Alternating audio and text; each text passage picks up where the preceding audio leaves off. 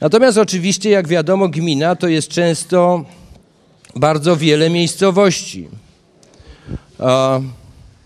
Są takie sytuacje, że to jest kilkadziesiąt miejscowości, z których duży procent jest zagrożonych zalaniem. I plan gminny w takich sytuacjach, nie wiem czyście kiedyś oglądali te plany, to są przede wszystkim plany, które są nastawione na stolicę gminy, czyli na tę główną miejscowość, która jest zagrożona. Jest bardzo trudno zrobić plan dla 30 miejscowości odrębnie. Myśmy mieli takie pytanie e, w tej kotlinie kłodzkiej, o której żeśmy mówili od sołtysów, że no, co ma zrobić sołectwo małe, biedne, zwykłe sołectwo, po prostu jedna wieś. Tam nie ma organizacji, tam nie ma wójta, tam jest tylko sołtys, który ma bardzo ograniczone kompetencje i od jego takiej siły liderskiej zależy, jakie on ma oddziaływanie na ludzi. Żeśmy próbowali zrobić taki plan dla małej miejscowości w Kotlinie Kłodzkiej Gorzanów, która była zalana w 1997 roku E, zalanych było, to była taka szybka powódź, jak wam opowiadałem, to znaczy od opadu w górnej części kotliny do powodzi u nich to było już niecałe 6 godzin po prostu, więc e, mieli dwie takie sytuacje, jedna przyszła w nocy, dzięki Bogu w tej miejscowości nikt nie zginął, ale 81 domów mieszkalnych zostało zalanych po w jakichś siedmiu godzinach ta woda zeszła, natomiast straty były ogromne. Żeśmy się zdecydowali na to, żeśmy poszli porozumienie Instytutu Meteorologii, Regionalnego Zarządu, Powiatu i Gminy, że zrobimy z tymi ludźmi plan, czyli z mieszkańcami, nie z żadnymi urzędnikami, tylko z mieszkańcami. To jest coś, co też próbujemy promować jako pewnego typu rozwiązanie, ale tym ktoś musi zarządzać, czyli zwykle to musi organizować gmina, prawda? I powstała taka grupa planistyczna. Ci, co byli zainteresowani z tej miejscowości, żeśmy się spotykali, no myślę, że około 20 razy, próbując zrobić taki plan. I byli, był to, był to, mm, e, była to pani Sołtys wtedy, ówczesna pani Sołtys. E, był to mm, ksiądz lokalny, który się okazało, że jest zainteresowany, żeby uczestniczyć w tych spotkaniach. Byli przedstawiciele gminy, ponieważ przyjeżdżał szef centrum kryzysowego z gminy na te spotkania i był zwykle ktoś z powiatu. No, no i my. No i te rozmowy były trudne, bo to sobie możecie wyobrazić. No, przyjeżdżają jacyś obcy z jakiegoś Krakowa, wymądrzają się na początku, więc pierwsze spotkania takie były najeżone i czuliśmy, że traktuje się nas trochę jak e, no, takich mędrców, co przyjechali i chrzanią od rzeczy, ale po jakichś trzech, czterech spotkaniach sytuacja się zmieniła, szczególnie jak zrobiliśmy mapę tych terenów, żeśmy się dogadali ze strażakami, ochotnikami, nie ze strażą państwową, tylko z ochotnikami, bo mówimy, kluczową rzeczą dla was jest mapa, żeby zobaczyć, jak ta woda w 97, jak ona zalała, bo to jest informacja, którą każdy zrozumie. Tam oczywiście, e, nie chcę mówić o demografii te, tego miejsca, ale nieważne. Zrobiliśmy, strażacy zrobili świetną mapę, ponieważ oni w czasie powodzi jeździli po tym terenie. To, by, to była grupa, która dokładnie wiedziała, dokąd ta woda sięgała. I ta mapa służyła nam jako podstawa do rozmowy, i od tego momentu zaczęła się taka normalna praca. I zaczęliśmy robić, no dobrze, to z czego ta powódź może wynikać? Z czego wynikają te straty właściwie? I tu się okazało, że to nie jest takie proste jak my sobie wyobrażamy normalnie, ponieważ straty w tych miejscowościach wynikają często z drobnych rzeczy. E, my, my, siedząc w takich miastach wojewódzkich za biurkiem dostajemy takie zgeneralizowane już informacje i mówimy, że na przykład przyczyną jest wylew z rzeki, ale tak naprawdę w takiej miejscowości, jak się ich pytamy o straty, to oni nas prowadzą nad taki przepust, który tam widzicie na, po prawej stronie w górnym rogu, takie pięć pięć rurek i to jeszcze po powodzi w 97, to jest droga powiatowa. A, zrobili pięć rurek i co roku na wiosnę, jak idzie większa woda tym no, ciurkadłem normalnym, to tam gałęzie, kamienie zblokują to i trzy domy są zalane. No, to znaczy oni muszą ciągle coś z tymi trzema, trzema domami robić. Nie?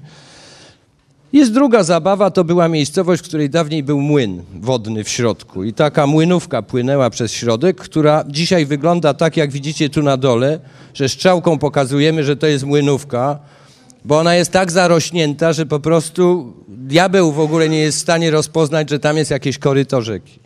No w tej chwili wygląda to lepiej, bo się udało dzięki temu programowi namówić Wojewódzki Zarząd Melioracji i Urządzeń Wodnych, żeby tę młynówkę wyczyścił po prostu. No ale to też jest, słuchajcie, problem taki, że podstawowe czyszczenie i podstawową dbałość mogą mieć ci mieszkańcy, prawda? Znaczy oni nie muszą wyrzucać tam śmieci. To jest podstawowa rzecz. Oni nie muszą dopuszczać przy swoich gospodarstwach, że to jest zarośnięte. Oczywiście nie mogą się zajmować pogłębianiem, bo nie mają do tego uprawnień, natomiast mogą o to w jakiś sposób dbać. Trzecia sprawa to jest, e, to już jest w ogóle groteskowa historia, o której oczywiście nikt nie wie na poziomie wojewódzkim. Po powodzi w 97 im odremontowano wał, bo był uszkodzony. To jest mniej więcej obraz tego wału. E, może to kiepsko widać. Jak się stoi na moście, to jest zdjęcie zrobione z takiego mostu. E, coś mamy źle poustawiane. Z tego punktu, tu jest most na, na tej i to jest wał biegnący w tę stronę, ten dobry. Rzeka płynie w tę stronę. E, natomiast jak się odwrócimy i popatrzymy w drugą stronę, to nagle się okazuje, że tam nie ma wału. Wobec czego jest taka sytuacja, że remontuje się kawałek wału, który tak naprawdę, no, no fajnie, że jest lepszy, ale, ale w środku tej wsi w ogóle nie ma reszty wału, wobec czego no, remontowanie tego kawałka nie ma żadnego sensu, bo woda i tak wpływa obok, prawda? Więc i nie wypływa, bo jest świetny wał, prawda? Znaczy, zatrzymuje się po drugiej stronie tego wału. Okazało się w czasie rozmów z, z Wojewódzkim Zarządem Melioracji, że oni nie mogą odremontować, znaczy nie mogą wybudować tego nowego wału, bo jego nie ma w ogóle w inwentaryzacji żadnej nigdzie nie jest zarejestrowany i to już nie jest remont wału, tylko budowa nowego, a na to trzeba lat całych, żeby ten kawałek wybudować. Więc wychodzi mnóstwo takich drobnych rzeczy. Trzecia rzecz to jest to, co mówiłem, ludzie nie byli ostrzegani. Większość z nich w ogóle nie wiedziała, czy nie ma szans wyprowadzić tego, ty, tych zwierzaków z domu, nie ma szans przenieść tych rzeczy na wyższe piętra, więc coś z tym trzeba było zrobić. Generalnie okazało się, że większość tych spraw to były drobne, przeszkody, które w czymś przeszkadzały. Łącznie z tym, że na przykład most jest za nisko i jak przychodzi już naprawdę duża woda, to jedna strona tej wsi nie jest w stanie przejść, ewakuować się na wyższy teren, ponieważ on jest po drugiej stronie rzeki, a najpierw zalewa most, a potem dopiero tę drugą stronę wsi. Więc e, mnóstwo historii. Oni wszyscy mówią tak, no ale po co my to robimy, jak my, nam wybudują zbiornik na górze, nie? Nawet trzy zbiorniki. I w ogóle te, ten początek rozmów był zły. No więc żeśmy im pokazali, że jeśli te zbiorniki wybudują, to u nich wody będzie mniej o 30 centymetrów do 40. Dlaczego pierwszą sprawą było ostrzeganie, to znaczy co zrobić, żeby informacja docierała szybko do ludzi przy takim szybkim zjawisku podobnym do waszego przy, w przypadku pęknięcia wału.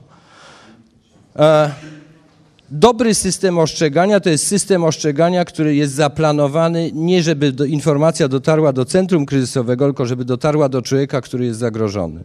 I to natychmiast, jak tylko to jest możliwe, czyli do mieszkańca, do właściciela sklepu, e, do kogokolwiek.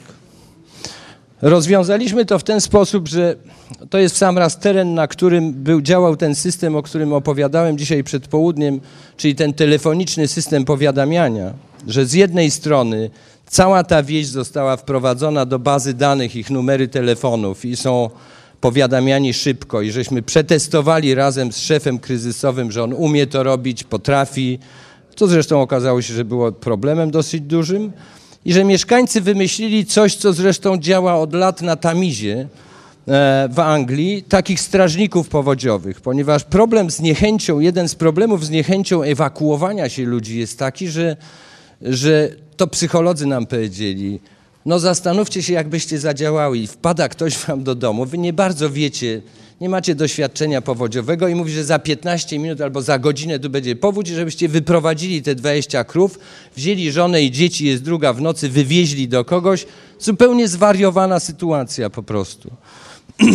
Co wtedy ludzie robią? To znaczy normalny człowiek szuka potwierdzenia tej sytuacji, dlaczego systemy, dobre systemy ostrzegania na świecie zawsze są dwukanałowe. Znaczy jedno to jest na przykład strażacy, którzy ostrzegają, ale jest jakieś drugie źródło informacji, które ludziom pozwala sprawdzić, czy to rzeczywiście, kurczę, tak jest, że ja muszę w środku tej nocy to wszystko zrobić. Dlaczego są strażnicy powodziowi, który, którzy są informowani wcześniej, mają dużo więcej informacji niż ta informacja telefoniczna i mają obejść swoich sąsiadów, żeby z nimi porozmawiać, że sytuacja jest rzeczywiście niebezpieczna. No i zrobili sobie też plan własny ewakuacji, którego nie było. W gminie Bystrzyca, bo to jest wieść y, z gminy Bystrzyca, plan był taki, że jak w której w miejscowości coś się stanie, to się wywodzi ludzi do Bystrzycy. Jest to bez sensu. W 97 wszystkich ich wywieźli do Bystrzycy jak tam dojechali, to powódź u nich się już skończyła, bo czego wszyscy zostali wpisani na listę tego punktu ewakuacyjnego, dostali koce i zniknęli udali się do domu już innymi środkami komunikacji, z czego się porobiły ogromne zresztą problemy formalne. Wobec czego, dlaczego oni nie mogą mieć swoich punktów ewakuacji, swoich dróg ewakuacji? Wszystko to zrobili łącznie z dość takimi skomplikowanymi rzeczami, e, bo tu jest taka sytuacja, jak opowiadałem, że tak naprawdę tu jest górka w tej części, ta część wzdłuż rzeki jest oczywiście niska, a tam jest taka raczej nizina. I teraz jest taka sytuacja, że wszystkie domy z tej strony nie mogą się ewakuować przy wysokiej wodzie, bo najpierw zalewa most, który jest za nisko, wobec czego zostają kompletnie bez możliwości przejścia tutaj. Więc była całe rozmowy z sąsiednią wsią, która zresztą bardzo pomagała tym ludziom w, w zeszłym, tym, w zeszłym e, przy poprzedniej powodzi. I teraz widać było, że ci ludzie się naprawdę angażują w budowanie tego swojego planu, w identyfikowanie tych problemów, które są na tym terenie, no ale żeśmy doszli w pewnym momencie do ściany, to znaczy, żeśmy powiedzieli, że nagle powiedzieli nam tak, słuchajcie, Zrobiliście wszystko, co tu można, a teraz powinien się tym zająć Wojewódzki Zarząd Melioracji Urządzeń Wodnych w sprawie tego wału.